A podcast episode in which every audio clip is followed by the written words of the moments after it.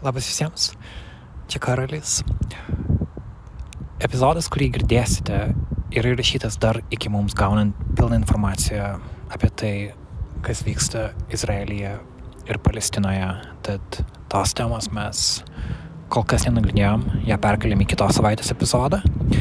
O tai, ką girdėsite dabar, yra tai, ką jums parašėm šią savaitę. Turėkite omenyje, kad epizodas kalba apie smurtą, kai kurios vietos gali nebūti malonios klausyti, ypač klausant viešai, tai turėkite tai omenyje. Gerą klausimą.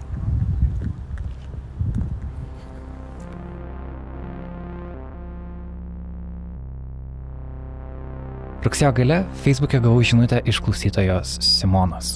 Ji rašė, Sveikas Karoli, klausiau LRT aktualių studijos, kurioje kalbėjo Eglė Murauskaitė ir iškart iškilo atminti jūsų pokalbį apie politinę situaciją. Visai pasilgti. Ar planuojate kada kokį naują epizodą? Ir tada po dviejų dienų gaunu žinutę iš pačios Eglės ir jis sako, aš turiu temos pasiūlymą. Eglė Murauskaitė, kaip žinia, yra mūsų kolegė, saugumo specialistė, Marylando universiteto vyriausioji mokslininkė ir ji šiandien yra studijoje su nauja tema.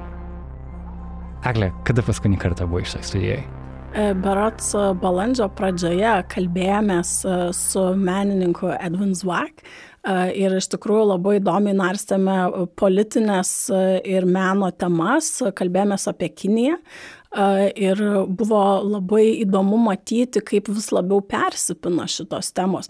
Tai tema, kurią pasiūliau, taip pat labai lydės įvairūs meno kūriniai, kurie lydi ir mano apmąstymus jie, bet visgi tai iš mokslinės perspektyvos daugiausia. Tai šiandien kalbėsime apie moteris ir karo nusikaltimus. Kodėl tau tai yra svarbu ir kaip apskritai prieėjai prie šitos temos? Na, karą aš studijuoju įvairiais rakursais daugiau turbūt negu 15 metų ir pastaraisiais metais dirbau ties karo Ukrainoje tema, turėtų kitą metą pasirodyti knyga. Ir vienas iš aspektų, viena iš naujienų turbūt dažnai pasirodančių, tai yra Ukrainos moterų kankinimai, aišku, bučia, prievarta, visa kita. Ir žvilgsnį pagavo tokia informacija berots pernai, kad paviešinti buvo rusių moterų pokalbiai su kariaujančiais Rusijos kariais, jų vyrai, sūnus. Ir tos moteris uh, skatino, drąsino juos prievartauti ukrainietes. Так, ты давай там украинских баб насилуй, да, мне ничего не говори, понятно? Я сегодня... А насиловать тебе ничего не говорить? Да чтобы я ничего не знала. А что? Можно, да? Да, разрешаю. Только предохраняйся. Хорошо. Ir man tai pasirodė ne man vienai, labai keista, labai neįprasta. Pradėjau gilintis, ieškoti informacijos ir dar didesniam savo šokui supratau, kad tai visiškai nėra neįprasta.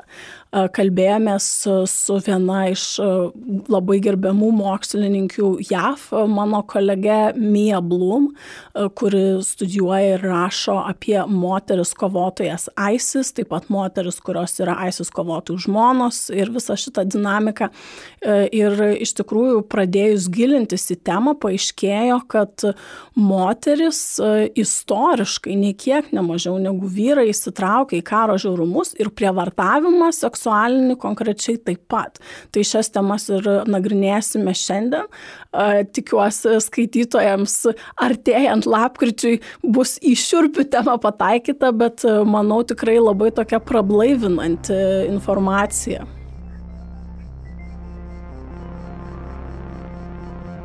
Pradžiai norėčiau paskaityti ištrauką iš akademikės Lauros Joberg knygos. Anglų kalba. Very few women are wartime rapists.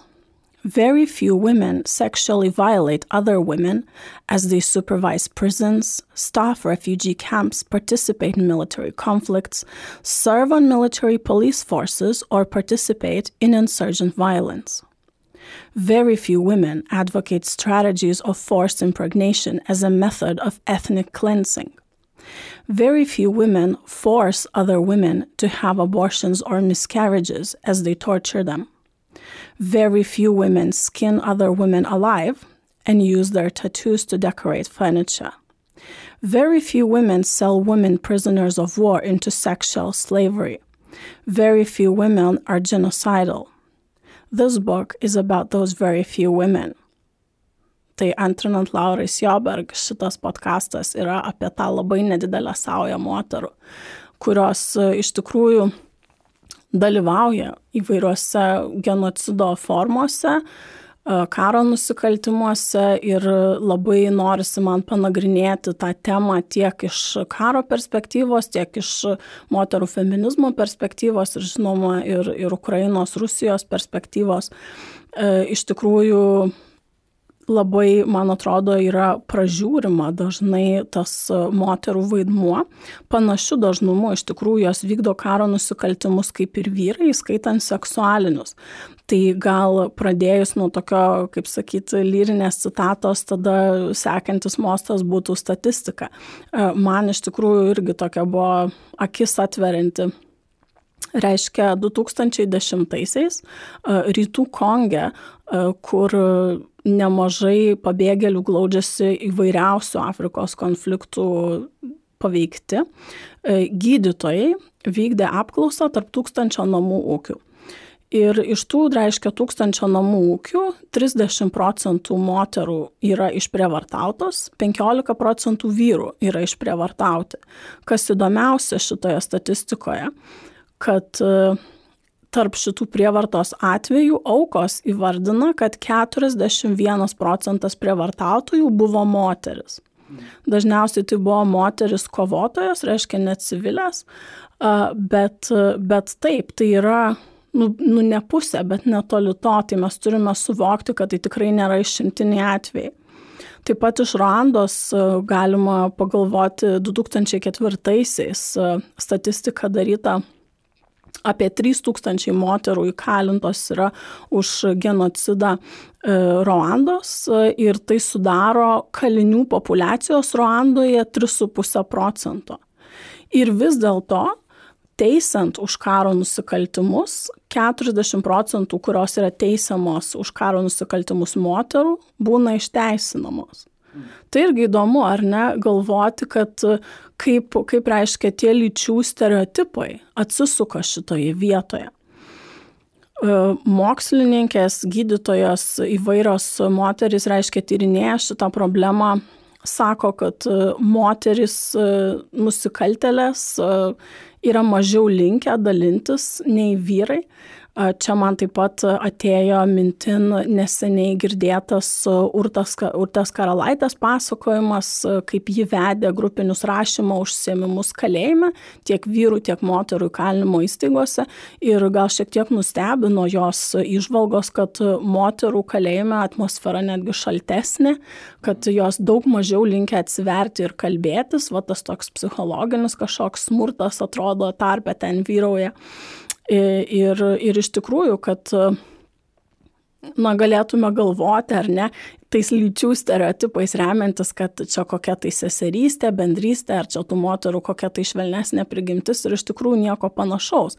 Ar mes paimtume, vad būtent lietuviškas įkalinimo įstaigas, ar mes paimtume karo atvejį, kad iš tikrųjų, na, pagal lytį mes apie nusikaltelius nelabai ką galime spręsti. Tai besidomint šitą temą taip pat iškilo būtent atvejai, kai moteris aktyviai dalyvauja genocide tiek nacių Vokietijoje, tiek iš senesnių istorinių atvejų, pavyzdžiui, Armenijos genocide, Serbijoje, taip pat Sudane, Sierra Leonėje, Kambodžoje e, skaitytojams jie įdomu, tai rekomenduočiau paskaityti iš ties Lauros Joberg studiją Women as Wartime Rapists ir taip pat jau minėtąją Mia Blum knygą Bombshell. Kaip minėjau, moteris rečiau yra nuteisiamos vis tik už tos nusikaltimus, nors jos vykdo atrodo ne ką mažiau ir dažnai gynybai jų panaudojami yra tie stereotipai. E, tarkime, man irgi buvo nauja skaityti, e, nors e, apie, apie Serbijos Kosovo konfliktą laikiau save gana neblogai informuota nuo studijų laikų, tuo metu tai atrodė tikrai aktuali tema. Esu buvusi netgi gyvai Hagoje, tarptautinėme tribunolė, klausiusi sesijų, jos yra atviros visuomeniai. E, ir žinoma, tokie vardai kaip e, Slobodanas Miloševičius ar Radovanas Karadžičius buvo puikiai žinomi. Man buvo nežinoma iki kol nepradėjau gilintis į šią temą, e, kad buvo Serbijos ko prezidentė Biljana Plavšič ir tai iš tikrųjų buvo turbūt viena aukščiausių pozicijų užimtų moterų, kuri tiesiogiai dalyvavo genocide ir konkrečiai prievartoje, prievartos skatinime ir apie jos teismą yra iš tikrųjų parašyta gana nemažai. Galima galima pasiskaityti studijoje Women as Wartime Criminals, Izabelos Stefija ir Jessica Trisko. E, ir, ir būtent advokatai e, Biljanos Plavšič apeliavo jos krikščionišką natūrą, į jos vaidmenį kaip Serbijos motina, į jos labai didelį išsilavinimą, buvo gavusi Fulbright moteriškę, turėjo nemažai užsienio liudytojų, tokių kaip Madeleine Albright, kad kalbėjo apie jos gerą charakterį ir visą kitą. Ir tai buvo pristatyta teismui, kad, kad jinai reiškia tokia vat, nuolanki avelė, kad, kad kad jinai čia visiems tik gero linkėjo ir kad iš tikrųjų čia neturėjo nu, jokios valdžios, kad čia tie vyrai viską padarė, jinai čia tik tai, tik tarp kitko buvo. Nors realiai nei instituciškai, nei vartant istorinius dokumentus, na tai netitinka tikrovės. Ir kas buvo jokingiausia, kad kaip rašo Jessica ir Izabela, kad, e, reiškia, tame kalėdama, laukdama teismo proceso, Biljana Plaš išrašė savo memoarus, kur jinai tiesiog atvirai juokėsi iš, iš to tarptautinio teisančio tribunolo, kad maždaug vat, užtenka paverksnoti ir, ir nieko tokio. Ir jinai iš tikrųjų gavo labai menką bausmę.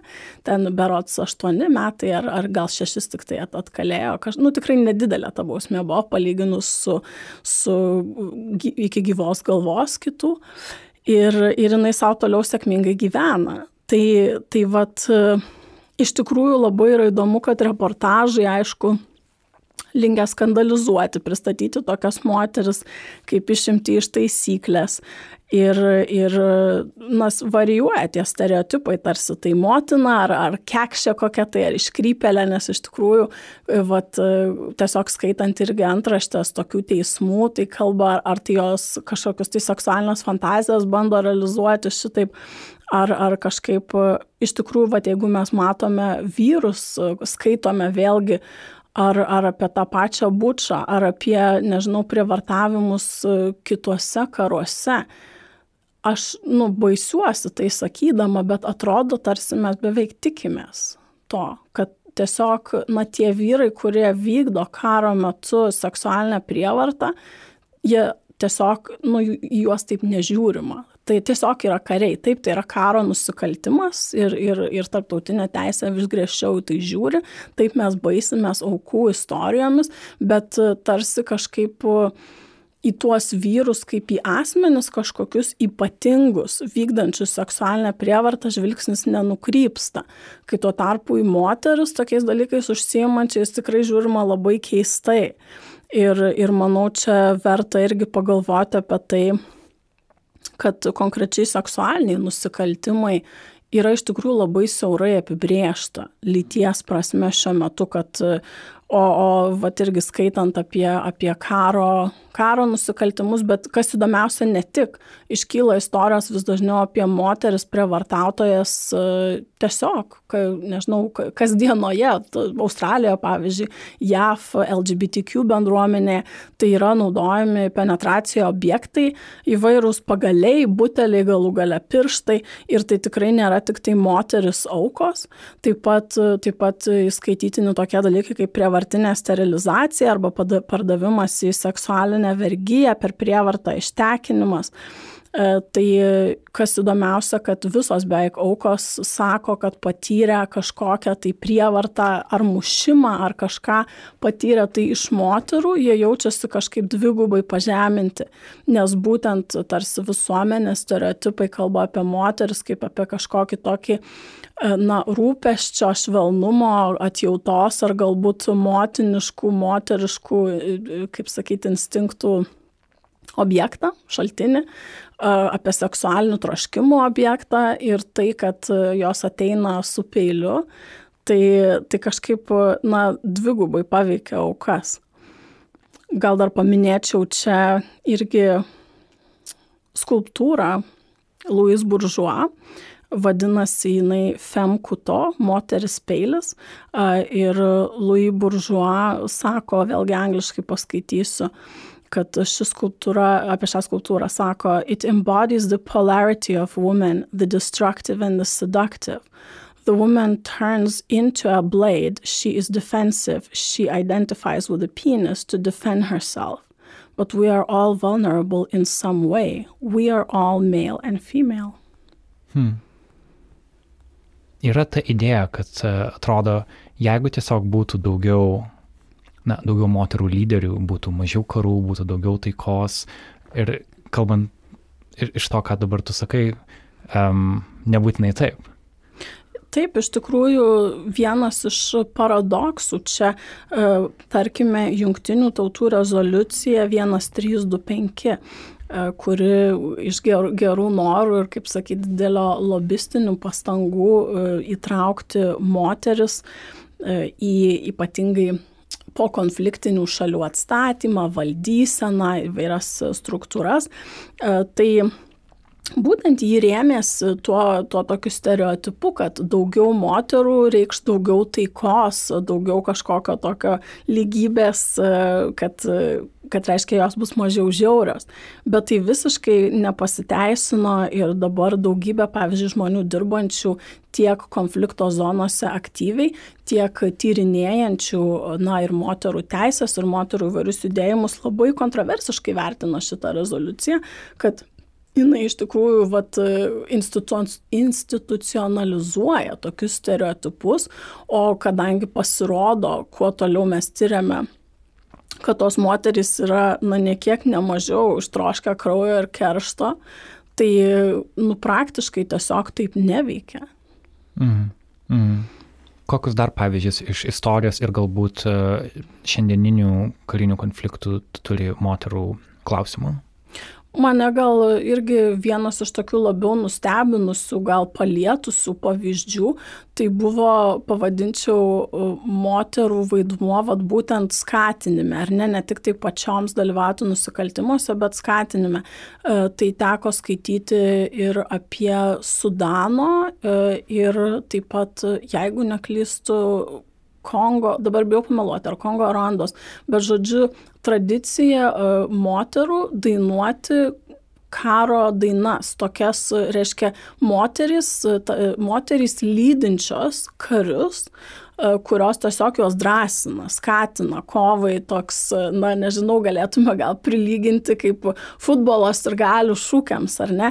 Ir kad būtent tokios, reiškia, tos moteris dainuoja ir skatina vyrus prievartauti, tai jos fiziškai yra ten, jos fiziškai liudija šitą veiklą ir jos dainomis, reiškia, skatina vyrus į seksualinę prievartą. E, ir, nu, kažkaip labai man tai pasirodo toks, nu, pribloškiantis aspektas irgi.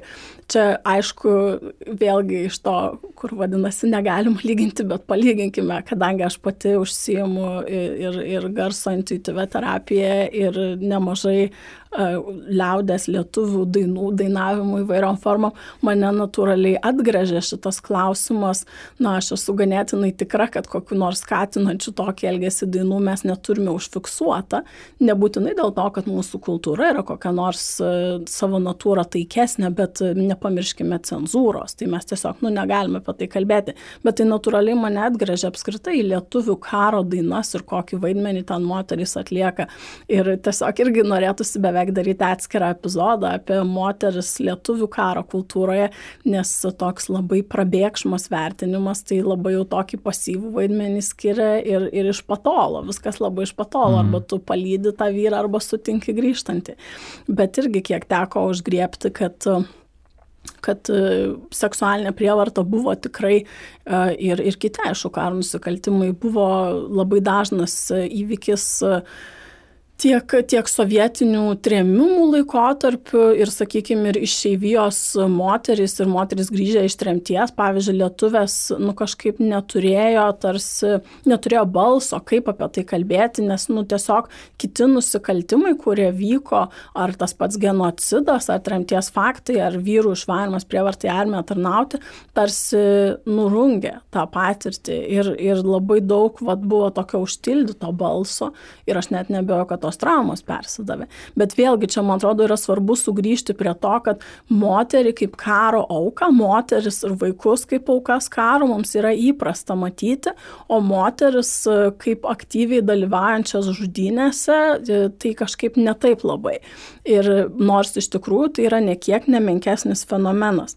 Tai vėlgi apie, manau, kad svarbu yra nepasiduoti tam kaip vad sakau, tam ypatingumui nusikaltimo, kad kažkokios ypatingai keistos, ypatingai žiaurios tos moteris buvo, kaip mes panašiai nekvestionuojame vyrų kare, va tokių veiksmų, tiesiog tai va šitie skaitiniai, šita tema mane pačią skatina permastyti, va kaip mes matome moteris, kad tai nėra, nėra prievartautojai, tai nėra genocido vykdytojai, tai yra ir jai, ir jos.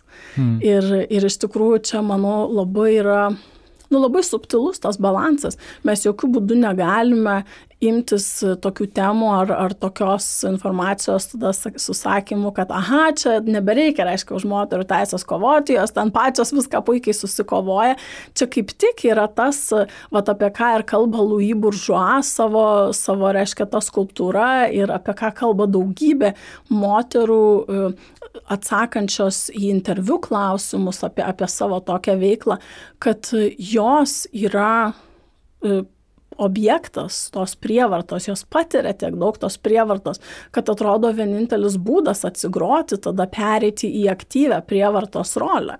Ir, ir nu, tiesiog tas ciklas yra nesibaigiantis, bet vat jos identifikuoja šitokį būdą, kaip atsigriepti. Tai vėlgi tai nėra kažkas ypatingai moteriško ar ypatingai keisto. Jeigu mes vat irgi nagrinėjame šią temą su mano studentais, tas apamai kad uh, tiesiog bet kokia grupė represuota, sakykime, nuo valdžios nušalinta institucijų, etniškai kažkaip apribota savo veikla, savo kalbos vartojimu, e, ar tai būtų Afganistane dabar visi, kurie neidentifikuoja su Talibanu, ar tai būtų, nežinau, nacijų segregacija, ar tai būtų Pietų Afrikoje, ar, ar, ar JAV vykę, bet kuri grupė represuojama tik ir laukia progos atsigroti. Ir labai, labai retai, kad kada pavyksta tas atleidimo momentas, kažkoks susitaikinimo momentas. Tai aš manau, kad vat, būtent iš tikrųjų yra mes, kaip, kaip mes turime visi tą pradą ir vyrišką, ir moterišką, ir matyti priespaudą mes irgi reaguojame kaip, kaip atšokantis piruoklė tie, kurių nesugniuždo, nori, nori atsigriepti.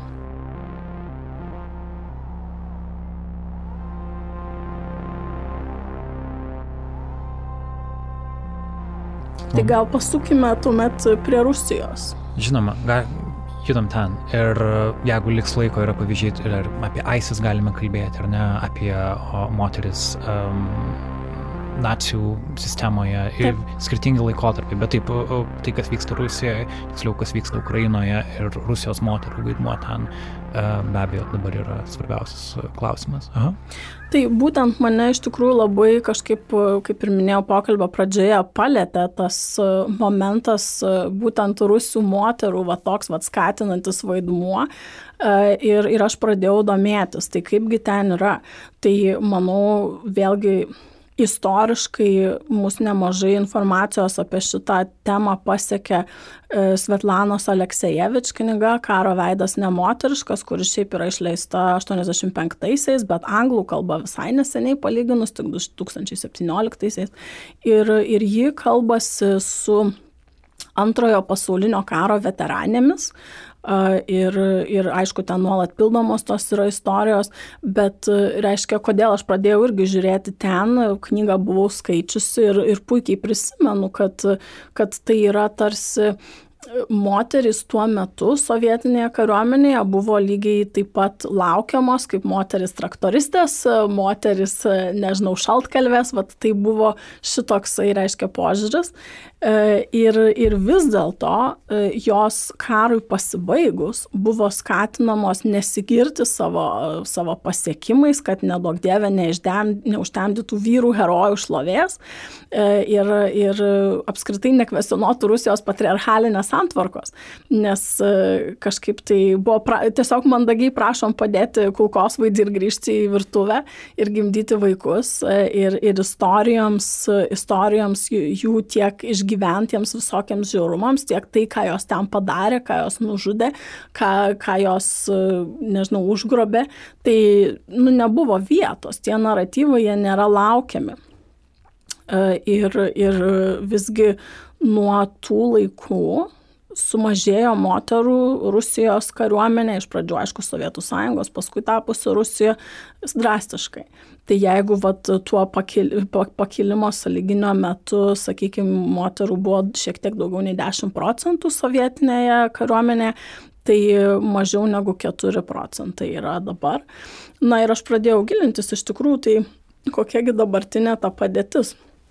Tai pirmas dalykas, statistika vėlgi, kurią radau, 23 metų kovą Šoigu teigia, kad 1100 moterų buvo įtrauktos į karinę operaciją specialią Ukrainoje.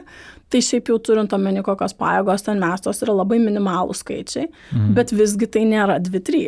Tai mhm. Tai irgi turėkime omenyje. Tai reiškia, mes turime tų moterų, kurios ten eina. E, Ar jis ir... patikslino, ką jos daro, tos 1100 moterų? Ne, roles? ne, konkrečiai Aha. rolės nėra įvardintos ir labai įdomu, kad, kad apskritai moterų vaidmuo Rusijos armijoje, kaip ir nu, visose karinėse pajėgose, aš neturiu omeny armiją, tik sausumos, e, kad yra griežtai ribotas. Ir, ir yra, mane tai, nu, iš tikrųjų, taip nuoširdžiai, gal čia, gal čia mano ribotumas, bet mane nuoširdžiai nustebino, kad e, apskritai yra beveik 500 profesijų vairiausiose industrijose e, Vladimiro Putino įsakymų, kur draudžiama moteriams dirbti, nes tai hmm. būtų kažkaip paveiktų neigiamai jų reprodukcinę gebą, tai hmm. kažkaip netliepia jų moteriškos prigimties.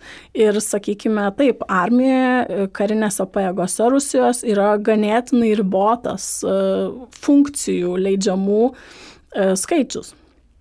Tai gal irgi įdomu, ką, ką ten tos moteris šiaip, vat, kaip tai kontekste atrodo ar ne, kad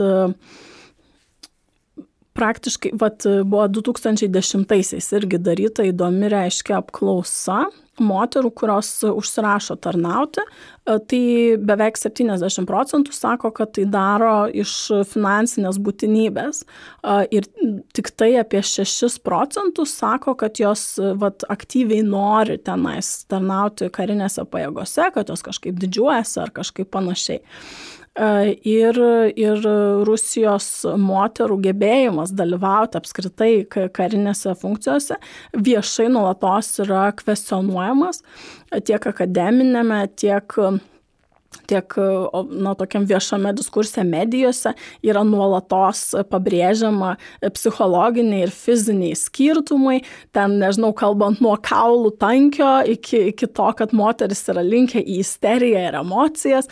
Tai, nu, mes prisimename, kiek dešimtmečių atgal buvo, va taip kalbama irgi, čia labai diena Freudo laikai, ar ne, moteriška isterija ir visa kita. Tai galvoti, kad, nu, kaip sakyt, žinoma, Rusijoje yra baisi kontrolė kontrolė informacijos, baisi žiniasklaidos priespauda, e, bet, na, tai turbūt nepasidaro tiek, kaip sakyti, neįsėda taip staigiai tie dalykai į smegenis. Tai yra, nu, dešimtmečiais tokie propaguojami dalykai. E, ir, ir nu, kažkaip iš tikrųjų yra baisu apie tai skaityti e, kad Rusija, pavyzdžiui, irgi 21 metais yra visiškai uodegoje pasaulio e, kaip lyčių lygybės klausimų 133 vietoje ir tiesiog, nežinau, labai prastėja greitai ten ta situacija.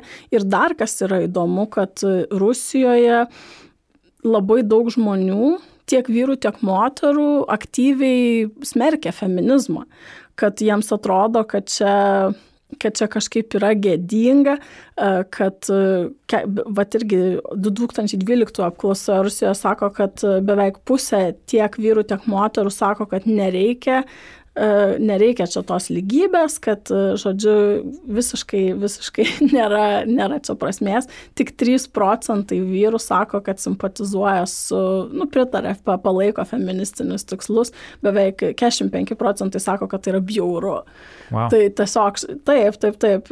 Ir nu, tiesiog atrodo, nu kaip taip gali būti, ar ne, ką mes jau ten begalvotume apie politinės pažiūros žmonių ir visą kitą, bet, nu tiesiog toks gilus, gilus, nežinau, tos patriarchalinės e, sistemos, tos santvarkos persėmimas, nu tiesiog mane pačią turbūt pritrenkė.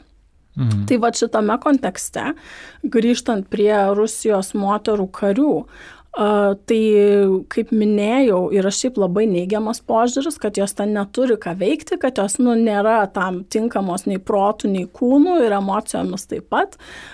Ir iš tikrųjų, tai, nu, kas gal mane ganėtinai nustebino, kad praktiškai požiūris į moteris dabar tarnaujančias ginkluotose pajėgose Rusijos, kad tai yra prostitutės.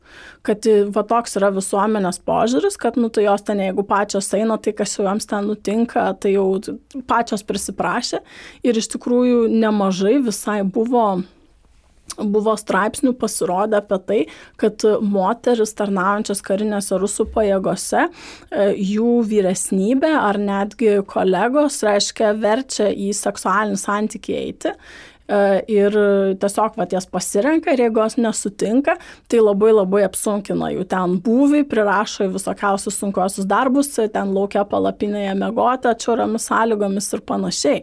Kad iš tikrųjų tai nėra kažkoks mitas, jeigu mes galvojame apie vyrų tenais priespaudą tiek psichologinę, tiek seksualinę, vadinamojoje dėdovščinoje, kuri ten tikrai įsigalėjusi, tai moterų padėtis ten iš viso yra tragiška. Tai vat, vėlgi, jeigu aš pradėjau gilintis į tai galvodama, tai vat, ar, ar tas 1100 Rusijos moterų, ar ką jos ten veikia Ukrainoje, tai aš iš tikrųjų matau kiek vieša informacija leistų spręsti, kad nu, tikrai ta jų padėtis yra tiesiog tragiška ir net ir pačiose karinėse paėgose jos labiau jaukos krenta diskursą.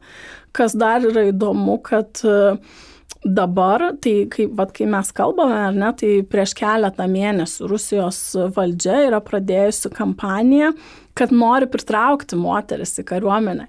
Ir būtent, reiškia, yra skelbimas na, visas, visas kampanijos fokusas yra apie tai, kad ateikite tarnauti lygiomis teisėmis su vyrais. Mhm. Ir, ir kad, kad tai yra vat, pristatoma būtent taip, kad visuomenės, reiškia, požiūris niekaip nėra pasikeitęs, viešas žeminimas ir ta vadinamoji karo lauko žmonių rolė ir prostitucijos požiūris niekur nedingęs, bet štai norite lygių teisų, eikite tarnauti, reiškia, į armiją. Ir taip pat buvo kovo mėnesį pasirodę reportažai, reiškia, metams praėjus nuo, nuo karo, kai prasidėjo didysis irgi rezervistų šaukimai, visi pajėgų didinimai, kad e, kalinės veža kovoti į Ukrainą ir mm. įvairūs, įvairios organizacijos kovojančios už moterų kalinių teisės irgi patvirtino, kad reiškia keletas šimtų e, kalinių moterų rusų yra išvežamos prievarta kautis, e, reiškia, Ukrainos fronte. Aš galvoju apie tas moteris, kurios skatina savo uh, kariaujančius vyrus prievartauti ukrainietas moteris ir kad uh, tas vienas iš skambučių, kuris buvo paviešintas Radio Free Europe, jis ir ta moteris ir sakė maždaug, okei, okay, aš tau duodu leidimą tai daryti, tarsi taip, uh, aš esu tavo žmona ir mes tarsi ištikimi vienas kitam, bet aš tau duodu leidimą, nes čia karas. Ir tiesiog, ir tada taip kyla klausimas tos moters rolę šit, kare, nes jinai, jinai tarsi nėra ten fiziškai, bet ji vis tiek prisideda. Ir turbūt didelis klausimas tavo temai, kurią šiandien nagrinėjai, yra tas moterų, kur tu brėži ribą, kur jau yra prisidėjimas, o kur, kur uh, ne. Tai čia ta riba ne, ne man brėžti iš tiesų, o teisai, tiek karo teisai, tiek apskritai nu, ir etikos e, ekspertams. Tai šiuo konkrečiu atveju minima moteris Olga Bikovska, e, jinai buvo patraukta atsakomybė tiek ji, tiek jos vyras e, ir bausmė numatoma yra iki 12 metų kalėjime. Vyksta procesas ir, ir jai nepasirodžius yra tikimybė, kad jinai bus nuteista in absencija, nedalyvaujant, mm. bet taip, tai karo nusikaltimų skatinimas e, ir nu, ne tik tai karo, paprastos nusikalstamos veiklos skatinimas taip pat yra teisinės atsakomybės dalis. Tai, tai čia užtraukia teisinę atsakomybę. E, tai čia, nu, tai nėra išimtis, tai visiškai yra prilygintina, sakykime, toms vat, prievartą skatinančioms dainoms, kurias minėjau, ir fizinis atstumas čia nekliūtis, taip pat neprivalo būti skatinantis nusikaltimo žmogus karinių dalinių vienete gali būti civiliai lygiai taip pat. Tai vėlgi ir, ir galvojant ir apie nacijų Vokietiją, ir, ir vėlgi apie Armenijos genocidą, kad, na pavyzdžiui, labai labai daug civilių moterų prisidėjo naikinant Galvojant apie Armeniją konkrečiai, gal irgi įdomesnis pavyzdys, kad netgi buvo nemažai tokių užregistruotų atvejų, kad reiškia, mm, turkai gelbėjo armėnės mergaitės, merginas jaunas, reiškia vyksta karas ar ne vykdomas genocidas, bet pavieniai tie reiškia kariai e, nusprendžia jas kažkaip tai apsaugoti, ar ten kaimas suniokotas ar kažkaip ir parsiveža jas namo. Ir reiškia žmonos jų tada ten tas merginas visai kankindavo ir dažniausiai prievartą ištekindavo, nes, nu tai irgi yra seksualinės prievartos forma e, vertimas eiti į seksualinį santykį dažniausiai nepilnamečių be sutikimo. E, tai, kaip sakyt, labai labai įvairu tai yra ir, ir nu, mes tikrai nežinom. Manau, kad irgi apie, apie tai, kas vyksta ypač Rusijos okupuotose teritorijose, tai aš manau, kad mes dar išgirsime. E, man gal, nu, kaip buvo, kaip sakyt, ir keista, ir nekeista, kad ieškant informacijos apie rusių moterų vaidmenį tiek kariuomenėje, tiek kare su Ukraina, kad rusų kalba informacijos praktiškai nėra. Mhm. Tai vienas dalykas, kad tai yra visiškai tabu tema, kitas dalykas, kad tie klausimai tiesiog yra nekeliami šitoje vietoje. Ir žinoma, trečias dalykas, kaip sakau, kad turbūt tose vietose, kur yra rusų okupuotos, pavyzdžiui, teritorijos, tiesiog nepasiekia mūsų ta informacija. Bet turint omeny omenyje, kaip dažna, kaip įprasta tai yra pasaulyje, aš tikrai nenustepčiau, jeigu paaiškėtų, kad ten gyvenančios rusės ar, ar palaikančios moteris taip pat prisideda prie karo nusikaltimų. E, ir, nu, iš tikrųjų yra yra baisu tą suvokti, kad mes kažkaip visiškai neadekvačiai tą vertiname, ar ne? E, ir, ir kaip tai yra nu kaip tai yra nevienprasmiška, kad vienu, vienu metu mes ir baisimės bučą, baisimės prievartavimais ir, ir, ir gailime Ukrainos ir, ir matome herojinės istorijas, kaip moteris, ukrainietės e, ima, ima ginklą, eina treniruotis į būrius, ima agurkų stiklainį legendiniams dronams numušti Ir, ir tuo pačiu, nu vienas dalykas, vat, man iš karto atėjo užklausimas, kodėl me, ar ir kodėl mes nematome to Rusijoje. Nėra vat, adekvat, paralelinių istorijų, ne? kad štai Rusaitė e, išdidžiai stojo vat, į karinį dalinį ir išėjo ten atsiimti Ukrainos žemių. Nu čia mes suprantam, kad ne, nereikėtų palaikyti tokios veiklos, bet kad net nėra to naratyvo, kad mhm. tiesiog visiškai yra antiek patriarchalinis mentalitetas ir ir ant tiek yra ten ta moterų priespauda ir, ir seksualinė ir visokia, kad nu, tiesiog net nėra, tai tai net nėra reiškinys. Tai, kad moteris rusės tikėtina karo nusikaltimuose ir prievartavimuose dalyvauja, tai tiesiog mes turbūt apie tai nežinome, bet va to pačiu ir yra šitos temos niuansuotumas, kad nu, jos labai didelė dalimi yra ir aukos pozicijose ten. Mm, mm. Kažkiek galbūt primena viso konteksto susijusi su ISIS, ar ne, kur moterys dalyvavo taip pat, e, bet ISIS visas režimas irgi buvo be galo patriarchalinis ir dalis moterų, patikslink, jeigu klystų, kurios pasiekė teismą, tai buvo argumentas joms gauti mažesnę bausmę, kad, kad jos irgi buvo aukos šituo klausimu, nors prisidėjo prie uh, karo nusikaltimų, kurios darė ISIS. Taip, iš tikrųjų, čia yra labai kontroversiškas šitas dalykas, kad e, viena vertus tikrai dažna būna gynyba, vad būtent šita, kad tos moteris kažkaip kad jas jų vyrai vertė, kad jos nesuprato, ką daro, kad, kad jos neturėjo pasirinkimo, kad nu, įvairiausi, įvairiausi dalykai. Ir tai nėra tik AISIS atvejai, lygiai tas pats yra Ruandos nusikaltimų teismuose, lygiai tas pats mes netgi matėme teismų, reiškia, už Abu Greibą. E, kalinių prižiūrėtojai ir prižiūrėtojos, kurie kankino kalinius abu greibę. Tai, nu, tiesiog tai yra ganėtinai standartinė gynybos pozicija, kad juk čia tik moteris, ar jūs nematote, ar ne. E, ir, nu, kaip sakyt, dažnai tie stereotipai dėja ir suveikia, priminsiu, apie 40 procentų išteisinama yra. Tai taip, o su ISIS, tai ir, ir nu, ne tik su ISIS, bet apskritai tokiuose labai labai yra sunku uh, įvardinti, kai moteris, čia jeigu mes atmestume tuos atvejus, kai moteris būrio vadė, moteris e, ten, nusakykime, aktyviai pati dalyvauja, bet jeigu moteris yra žmona, konkrečiai jeigu mes imtume žmona, tai, nu, iš tikrųjų nėra taip paprasta suvokti, kiek, kiek jinai turi ten tos galios sprendimo, kiek jinai gali pasipriešinti be rizikos savo tiesioginės. Mes, aišku, čia visi labai norėtume skatinti herojų stereotipą ar ne, bet netgi galvojant apie tokius pačius, nežinau, pavyzdžius, E, Zigmo Vitkaus studija apie, apie žmonės gelbėjusius žydus, kad labai retai, kada tai yra herojinės personos, išdidžiai ten, kaip sakyt, priespaudai tar, tarusios ne. Dažniausiai tai yra labai tokie paprasti žmonės. E, ir nu, nereikėtų įsivaizduoti, kad tai yra standartinis pasirinkimas, kaip tik standartinis pasirinkimas priespaudos atveju yra nesipriešinti, mhm. ginti save, savo šeimą, savo gyvybę galų gale.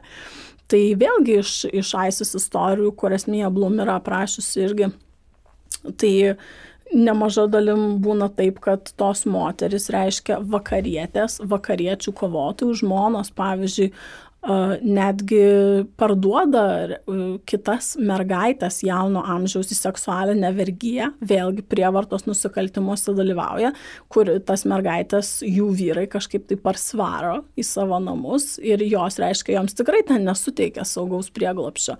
Tai, nu, tai vėlgi sakau, mes galime kvestionuoti, kiek jos pačios jaučiasi nesaugios, kiek, kiek ta patriarchalinė santvarka vat, skatina jas priešintis būtent tokiu būdu, bet nu, nėra tai nulinė atsakomybė. Tai nėra taip. Lygiai tuo pačiu būdu nemažai nacijų režimo seselių, pavyzdžiui, buvo išsiteisinę, nors vykdė prievartinę sterilizaciją moterų ir ypatingai moterų su negale arba su fizinė ar su protinė, kalinių taip pat moterų.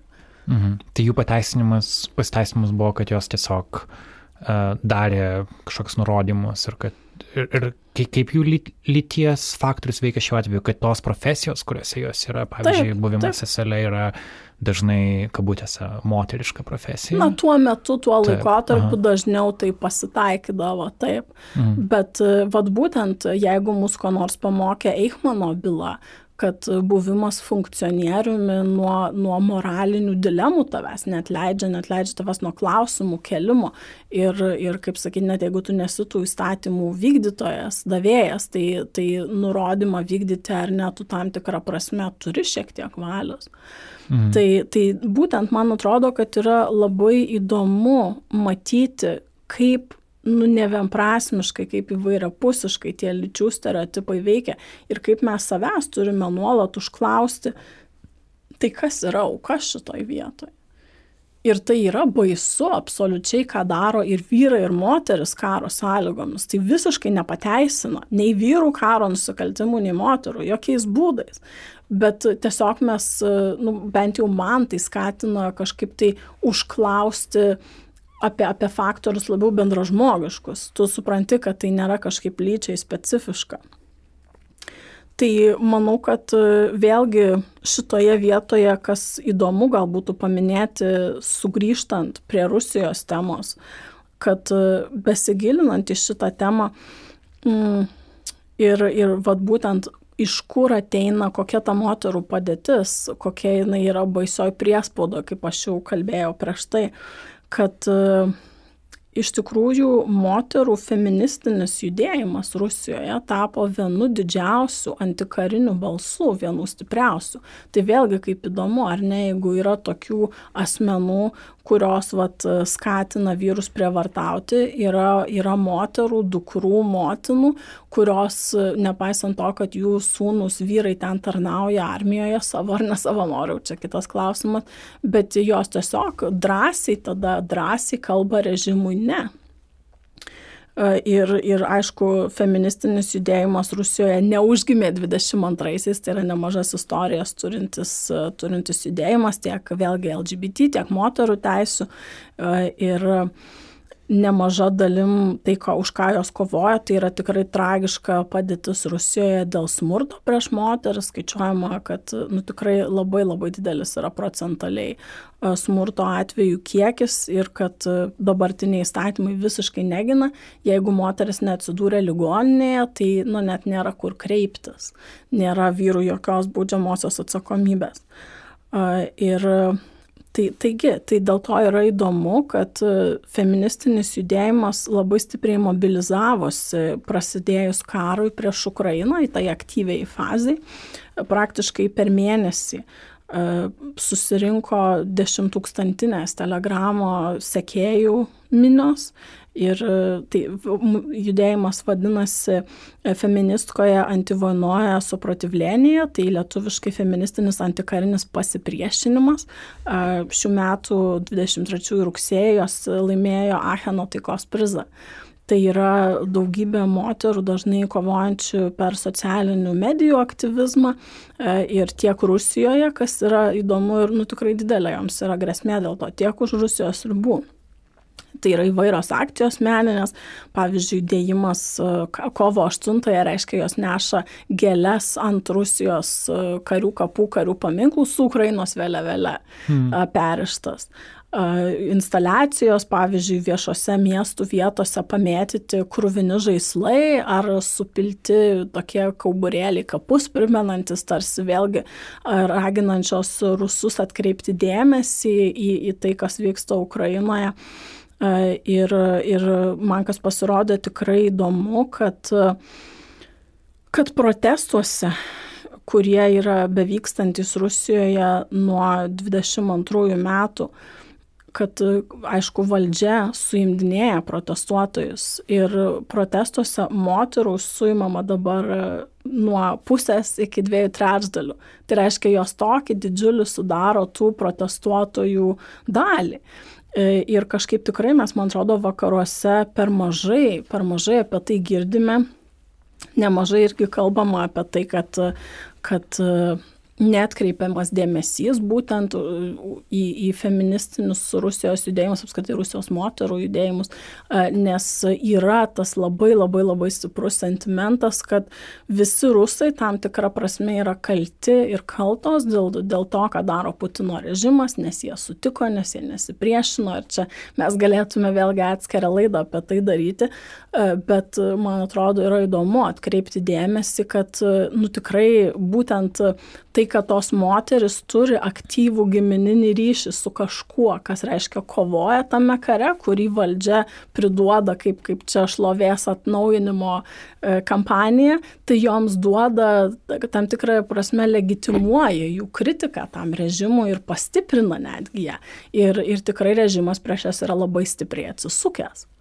Mm, mm, labai įdomu. Ir turbūt e, finišuojant kyla tas klausimas tai, apie tai, ką kalbi žvilgsnis iš feministinės pusės. Tu turi sudėti dvi tarsi skirtingas idėjas į savo galvą. Viena vertus, kad moterys kare dažnai, labai dažnai yra, yra aukos, jos yra um, prievartaujamos, yra pagrobiamos, yra smurtaujama prieš jas ir tai, tai yra faktai.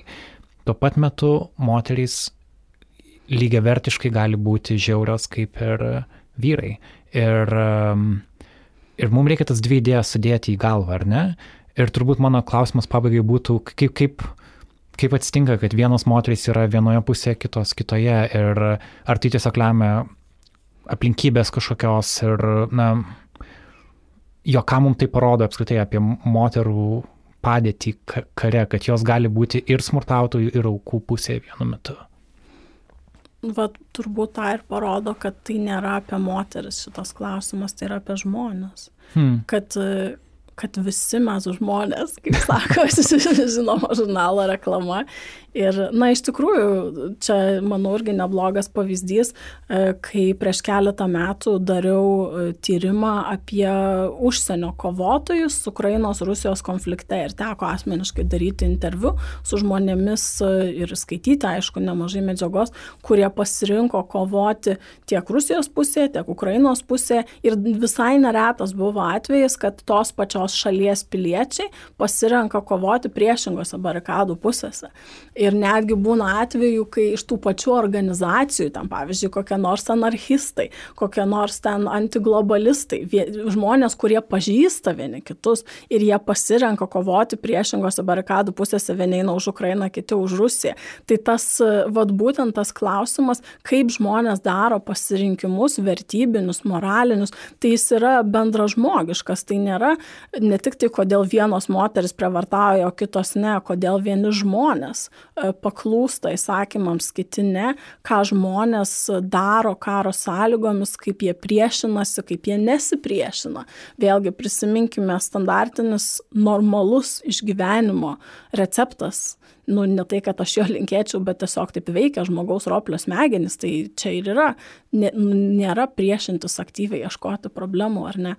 Tai, tai taip, ta, mums tą pasako, kad nelyčių pagrindų mums reikia žvelgti į karą, į karo nusikaltimus, e, nors Svetlana Aleksievič sako, kad karo veidas nemoteriškas, e, aš manau, kad e, mano mėgstamas posakis viskas yra visaip ir tai čia tikrai irgi turi savo vietą, kad negalime mes, negalime spręsti šitų dalykų per lyčių akinius, Ir, ir tikrai manau, kad tą tokį balansavimo aktą daryti yra labai sunku.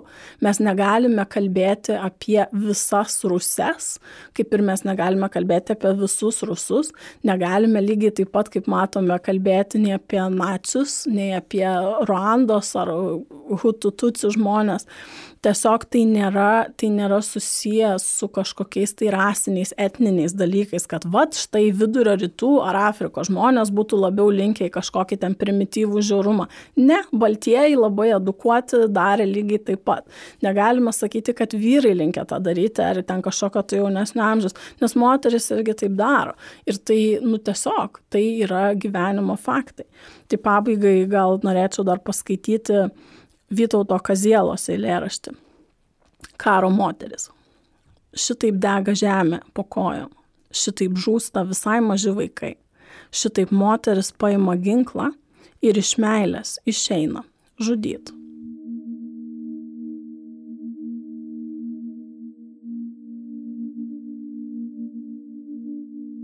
Tai čia toks kaip ir, manau, susumuojantis paradoksas, kaip karas baigti karui, žudimas iš meilės. Ir, ir iš tikrųjų tie asmeniniai pasirinkimai kai tau grėsmė kvepuoja į nugarą, kai yra tiesioginė grėsmė tavo vaikams, tavo gyvenimo būdui, gali suprasti tiek ukrainietes, kurios pasirenka asmeniškai eiti ir, ir žudyti priešą, lygiai taip pat kaip ukrainiečiai vyrai, gali pradėti suprasti, kokį didžiulį psichologinį spaudimą ir, ir psichologinį smurtą patiria moteris ir vyrai karo zonose ir kaip tai veikia mūsų psichiką ir kaip, kaip mes pasirenkame dalyti kartais atrodo nesuvokiamus dalykus. Ačiū, Agra. Labai labai įdomu ir um, lauksiu, lauksiu kitų tavo žinučių, kada, kada būsi pasiruošęs ateiti į studiją. Visada, visada laukiam. Klausytojams priminsiu, kad šiandien kalbėjome su Eglė Elena Murauskaitė, Merilando universiteto vyriausia mokslininkė, saugumo specialiste. Mes įrašinėjome nacionalinės Martino Mažvido bibliotekos garso įrašų studijoje.